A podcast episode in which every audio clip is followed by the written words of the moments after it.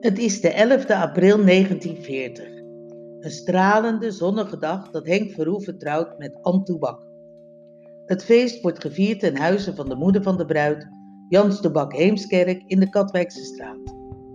Vader en moeder van de bruidegom en moeder van de bruid, in gezelschap van alle dochters en schoondochters, poseren voor de fotograaf bij de voordeur. Weinig vermoeden bestaat dat nog geen maand later, op 10 mei 1940, de Tweede Wereldoorlog uit zal breken.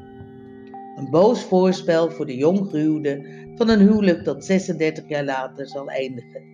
Maar eerst het feest. De foto is natuurlijk in de blog te vinden, maar ik vertel alvast wie erop staan. Op de voorste rij Barbara van Rode Toebak, de zuster van de bruid. Dan het bruidspaar, Henk en Ann. Dan Nel Reinders Verhoeven, Mies de Groot Verhoeven, de rijder achter Tini Verhoeven Slippens, Opus Driese, moeder van de bruid Jans Toebak Heemskerk, Maaike Vliet Vlieland Verhoeven en tot slot de achterste rij Katrien Verhoeven van Riet en Marie Verhoeven van Denzen.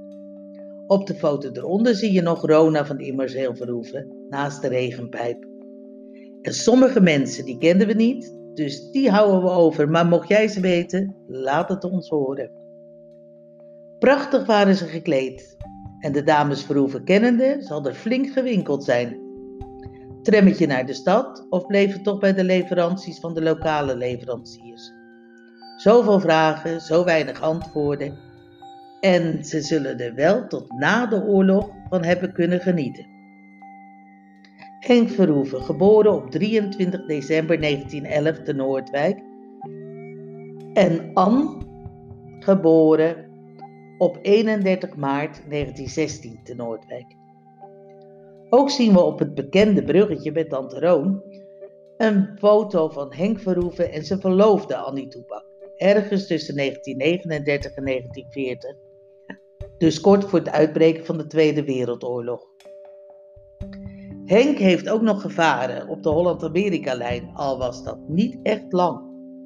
De master of the ship, Jan Boshoff, was de ondertekenende kapitein in het logboek van slager tweede klasse Henk Verhoeven.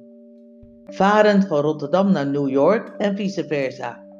In de periode van 22 februari 1952 tot en met 27 september 1952.